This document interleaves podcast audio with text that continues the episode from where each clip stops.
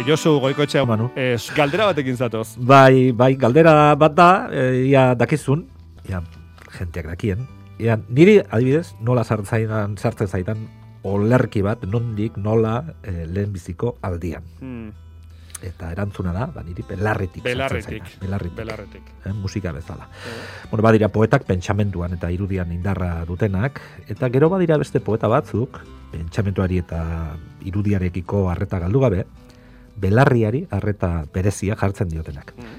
Eta niri bereziki horrek gustatzen zaizkit. Mhm. Bueno, gaurko egilea, gaurko poeta. Mariluz Esteban Euskal Herrian e, dugun e, pentsalari garrantzitsunetako bata. Antropologoa, ikerlaria, unibertsitateko irakaslea, Euskal feminismoaren ahots errespetatua eta poeta. Beranduko poeta, dena esatera. Bakizu zenbat urterekin atera zuen, lehen eh, poema liburua, bidauzka. Bai, zenbat urte zitu. Berrogeita malau urterekin. Begira, berrogeita mala urte, beraz, sekula ez da berandu, eh? Sekula ez da berandu, sekula ez da berandu, eta gainera horrelako liburuak atera, ateraz, ateratzeko. Bueno, Pamilarekin e, izenburu ikarra, ikaragarria daukan e, liburu bat e, atera zuen, ikaragarria eta beraz, bikaina. Amaren eriotzak libreago egin ninduen. Mhm. Gero beste bat idatzi du, Andre Zarraren eh, manifestua izenekoa, eta bi egutzi dute arrastoa irakurlengan. Bueno, gaur eh, lehenengoa karriko dut, amaren eriotzak librago egin ninduen. E, liburu honekin izan dudan lehen impresioa, zelan zaintzen dituen Estebanek, hitzak eta hitzen arteko harremana loturak, eh? bere poesiei erritmo eta musikalitate eder bat emanez. Bueno, da, gero mamia ere, bai, dena ez da itxura, dena ez da forma. Bizitzak emandako esperientziak ongarritutako poemak dira, lehen edo hirugarren personak idatziak, bere buruari buruz, eta denon buruari buruz, baina batez ere, emakumei buruz hitz eginez. Bertsolerro laburrez, zein prosa poetikan idazten ditu poemak Estebanek, eta nik, ondo baditzazu, ba, batzuk irakurriko ditut, Hori da, amaren eriotzak libreago egin induen liburutik. Mhm. Bai, esan du lehen Mariluz Esteban, eh, Euskal Pentsamentu Feministaren ahotz eh, garrantzitsuenetako bat dela. Bai, da, bai. Bai, horti dator eh, irakurriko diodan lehen poema, ma, hemen bada kontra esan txiki bat manu, Mhm. eh, eh, irakurritakoaren eta nik gizon batek poema hori irakurtzaren artean, baina tira, Tira. hotxe dago. Poemaren gaia uste dut, eh, Simon de Beauvoirrek bere lan famatu batean, bigarren sexua izenengo lanean, eh, du oinarri. Eta Be- Beauvoirrek eh, zioen, ez dela emakume jaiotzen bat, eh, baizik eta emakume izatera iristen dela. Eh, hau da, ezarritako zerbait dela a, alegia. Hau da, eskapan, iesean izeneko poema.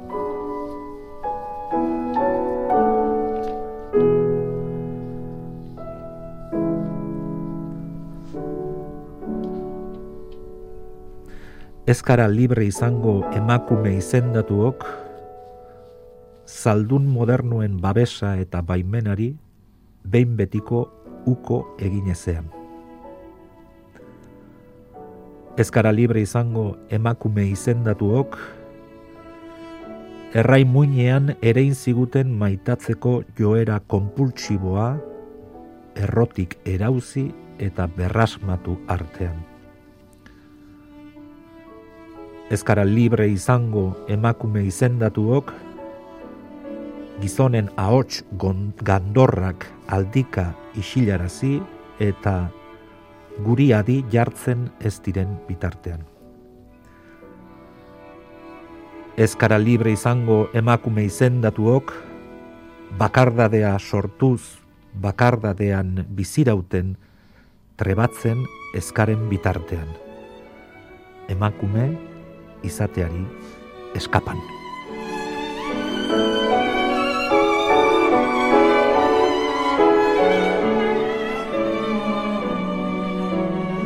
Azpimarratzeko moduko da ideia horietako bat, ez da? Ez gara libre izango emakume izendatuok gizonen ahots gandorrak isilarazi, aldika isilarazi eta guri adi jartzen ez diren bitartean, eh? Gizonok gehiagitz egiten dugulako, askotan. Gehiegi, leku asko hartzen dugu, eta gehiagitze dugu. Bai. Bueno, hainbat gai jorratzen ditu mailuz ez da, ez? Bai, gurasoen e, eriotza, noski, alaba izatea, seme baten ama izatea, maitasuna, sexua, konbikzioak zalantzak eta kontraesanak oso modu gordin eta edarrean eh, azalduta ageri dira. Adibidez, Manu, imaginatu zeneukan harreman bat bukatu dela, Aha. bukaera guztiak dira, bueno, gogorrak. Gogorrak arratzak bai. Imaginatu austura horrek harrapatu zaituela etxe berri batera, etxe berri arrotz batera egindako aldaketa betean. Zegoera. Mhm. Bueno, poema hau, lantuaren etxea, donostian gertatzen da.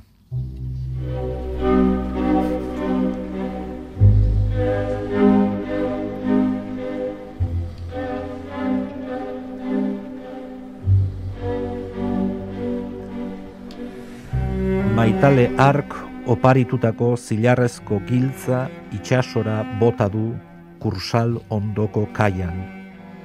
Zerua, bere aldartea legez, gris den gau batean. Biaramunean zerua urdinago da, itxasua baina oldarkorra. Jende andana bildu da aizearen horrazian. Ibiltzea du ukendu bakarra, antiguotik grosera, grosetik antiguora. Etxerako bidean itxasoa enbataka ari da bere kolokoan. Oera sartu da gela berrian, preso zen negarra isuri da.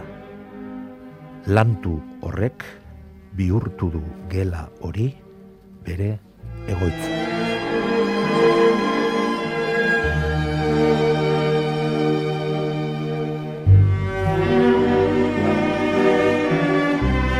Tristea bezain indartsua, eh? Bai, bai, bai, Bai. nola, bueno, minak eta negarrak bihurtzen dituen intimitate horrek bihurtzen duen eh, Bai. etxe bat, logela bat, Mm. zure, ezta? Oso politia da. Bueno, eta maitzeko bi poema irakurriko ditut jarraian, Konforme. eh? lehenengoa laburra, eta bigarrena pixka bat luzeagoa, ez oso Vale. luzea. Eh, gogora dezagun liburuaren izenburua, amaren eriotzak libreago egin ninduen. Mhm. Bueno, ez gara amarekiko maitasun ezazari, bizitza hori baino komplikatuaga da. Ari gara bizia eman zigun pertsonaren eriotzak e- ezin, ezinbestean, bizi nahi badugu geure burua berrasmatzeari buruz. Eh, Berrasmatze burua, norbere buruaren berrasmatzea, eh, bada etengabe ageri da liburu honetan. Mm? Hori da lehenengoa. Lehen da bizikoa. Bai, eta bigarren poemak basauriko hilarrira eramango baitu poetaren aurzaroko herrira. Bizita egingo die gurasuei.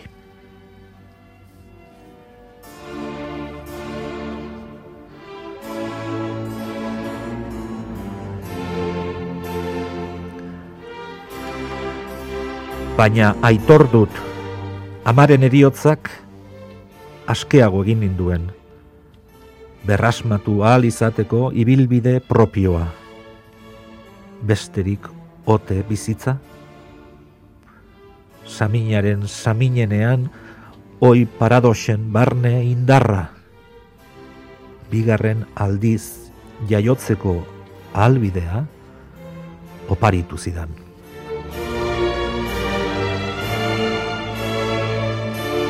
Eta Josu bukatzeko eskua aurra, ezta? Hori da, esku aurra.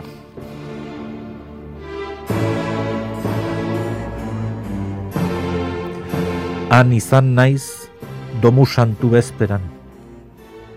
Hiru urte nitueneko paradisu albo-alboan. Ezker eskuin udazkena sugarretan zerua oskarbi ilargia aterpe. Elizako kanpaiek zazpiak jo dute azortziaren marmarra mututu da. Errepikaren amaierak irentsi du denbora.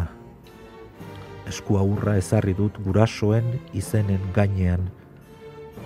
Aitzurdinaren bihotza berotzeko asmotan. Nola deitu, otoitz xederik ez duen isiltasun hori.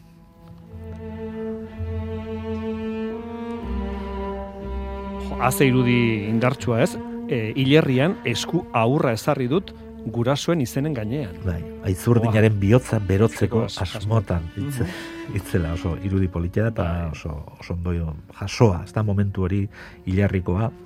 Eta nola deitu otoitz xederik ez duen isiltasun hori. Isiltasun hori, ez? Mariluz Esteban da egilea eta bere liburua Amaren eriotzak libreago utzi Ez, amaren eriotzak libreago egin ninduen. eh? Hori da, oso Hori gomendagarria. izenburua Mariluz Estebanena. Josu, astana pasa. Bardin.